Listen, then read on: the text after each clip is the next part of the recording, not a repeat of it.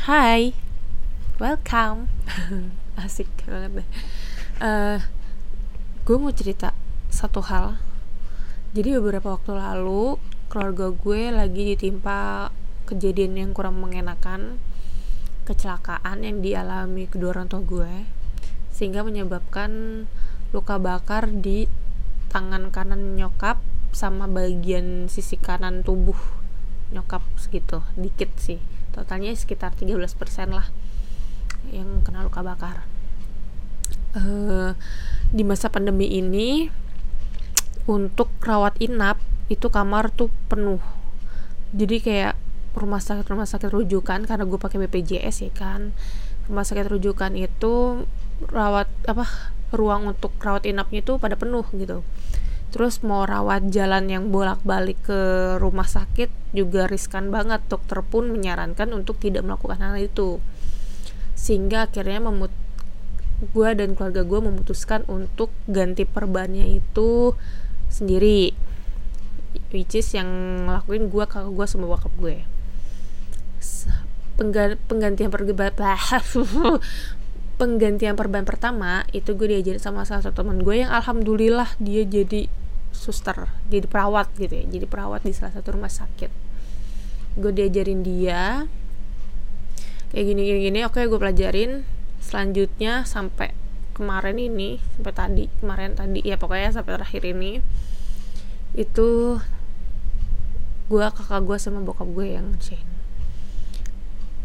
awal-awal um, ganti perban sendiri nggak sendiri sih maksudnya bertiga gitu kan.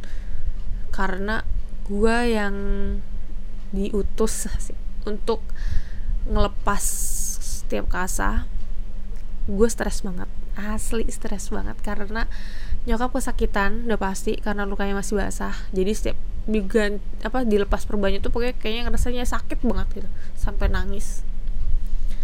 Um, gue stres banget. Karena kayak aduh bener gak sih yang gue lakuin ini bener apa enggak gitu. Gue stres banget tapi gue nggak bisa nunjukin itu gitu. Kayak gue nggak bisa nangis gitu depan nyokap gue.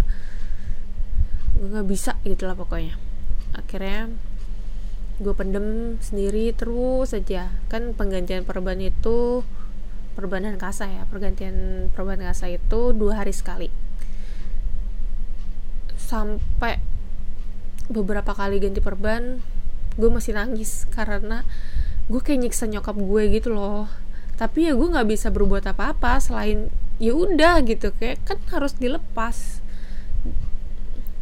Sampai akhirnya karena semua kesetresan gue rasa sedih gue gue pendem sendiri gue nggak bisa nunjukin ke keluarga gue ada satu momen penggantian perban gue jadi anak yang hmm, dingin banget gitu. Padahal sebelum-sebelumnya nyokap gue bilang aduh ya sakit gitu. Gue bilang ma maaf maaf gitu. Satu momen itu gue jadi dingin banget. Kayak aduh kayak los banget gitu. Kayak nyokap gue bilang sakit pun gue nggak bilang maaf. Tapi ya udah gue berhenti. Tapi gue nggak bilang maaf gitu. Pokoknya jadi kayak dingin banget. Sampai akhirnya pas pemasangan kasa steril itu kasanya tuh kayak jatuh-jatuhan mulu. Kan kecil-kecil ya nggak kecil maksudnya ya bukan gulungan gitu kayak potongan-potongan gitu. Itu jatuh-jatuhan mulu karena posisinya di lengan. Tuh gue sampai kesel kayak memuncak banget gitu loh stres gue sedih kesel gue gitu kayak memuncak banget. Akhirnya gue nangis. Akhirnya gue nangis di saat penggantian perban itu uh, sampai besoknya itu nyokap gue bilang ke kakak gue kakak gue nyampe ke gue sampai nyokap gue nanya Ayu marah ya sama mama? Terus kayak gue padahal gue gak marah gue cuma kayak gimana ya? Uh, kayak rasa sedih gue yang udah gue pendem itu keluar gitu loh nah. Gue nggak bisa. Kayak malam itu itu kenapa gantinya malam. Gue nggak nggak bisa nahan lagi tuh karena gue kesel tuh sama si kasa. Sama si kasa steril yang gak mau nempel-nempel gitu. Gue sampai kesel gue sampai banting. Gue sempat banting kasa yang jatuh. Ah kalau gue berani ngomong kasar depan buka gue gue ngomong kali itu. Tapi gue nggak pernah berani maka ya Allah gitu. Um, hikmah yang didapat yang mau gue sampaikan adalah ketika lo semua ngerasa sedih ngerasa kesel um, ungkapin. Even itu ke keluarga lu karena gue yakin keluarga lu bisa memahami. Gue yakin orang-orang yang ngedengerin lu bisa memahami.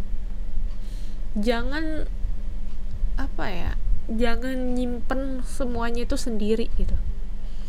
Jangan nyimpen perasaan sedih kesel marah elu sendirian di dalam kamar gitu. Jangan. Karena ketika lu nggak sadar karena itu kan kayak bom waktu ya.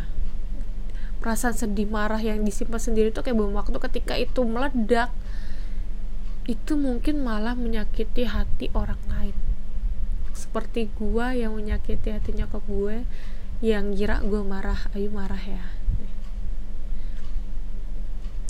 Padahal kalau misalkan dari awal gue gue nangis gitu di depan keluarga gue mungkin malam itu gue bersih gue nggak bakal bersikap dingin gitu.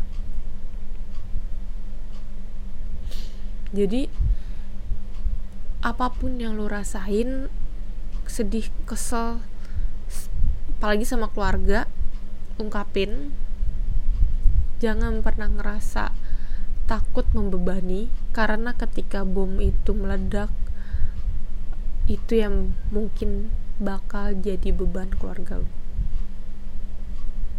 Eh, serius gue nggak nangis ini. Gue nggak nangis asli. Um, ya udah itu aja sih. Ya semoga emang bener dapet intinya ya. Karena sekali lagi ketika lo ngerasa sedih lo ngerasa kecewa lo ngerasa marah lo ungkapin. Even itu melalui tulisan di buku harian atau di kertas lembar lu ungkapin. Atau bagi yang beragama Islam lu ungkapin. Lu doa ya Allah gitu sampai nangis-nangis.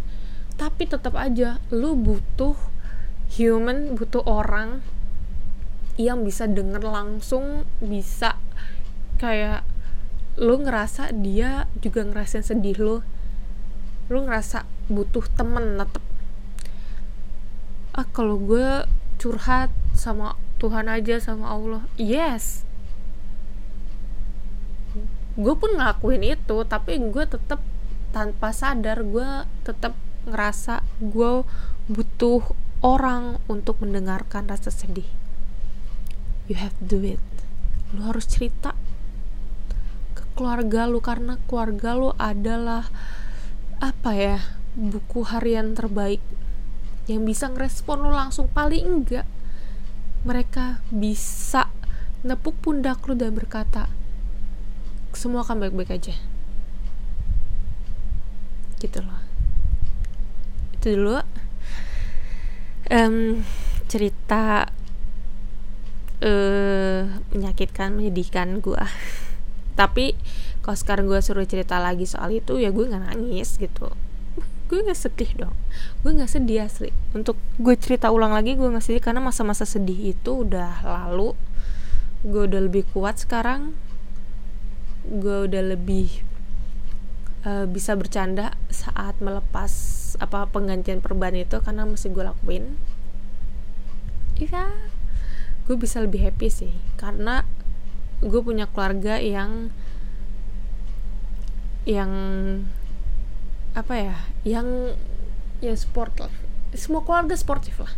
Semua keluarga mau ngedengerin curhatan satu sama lain. Semua keluarga mau ngedengerin ketawa kita sedih kita marah kita.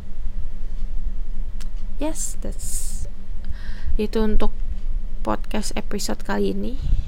Terima kasih sudah mendengarkan hampir 10 menit nih. Itu dulu ya hmm, bye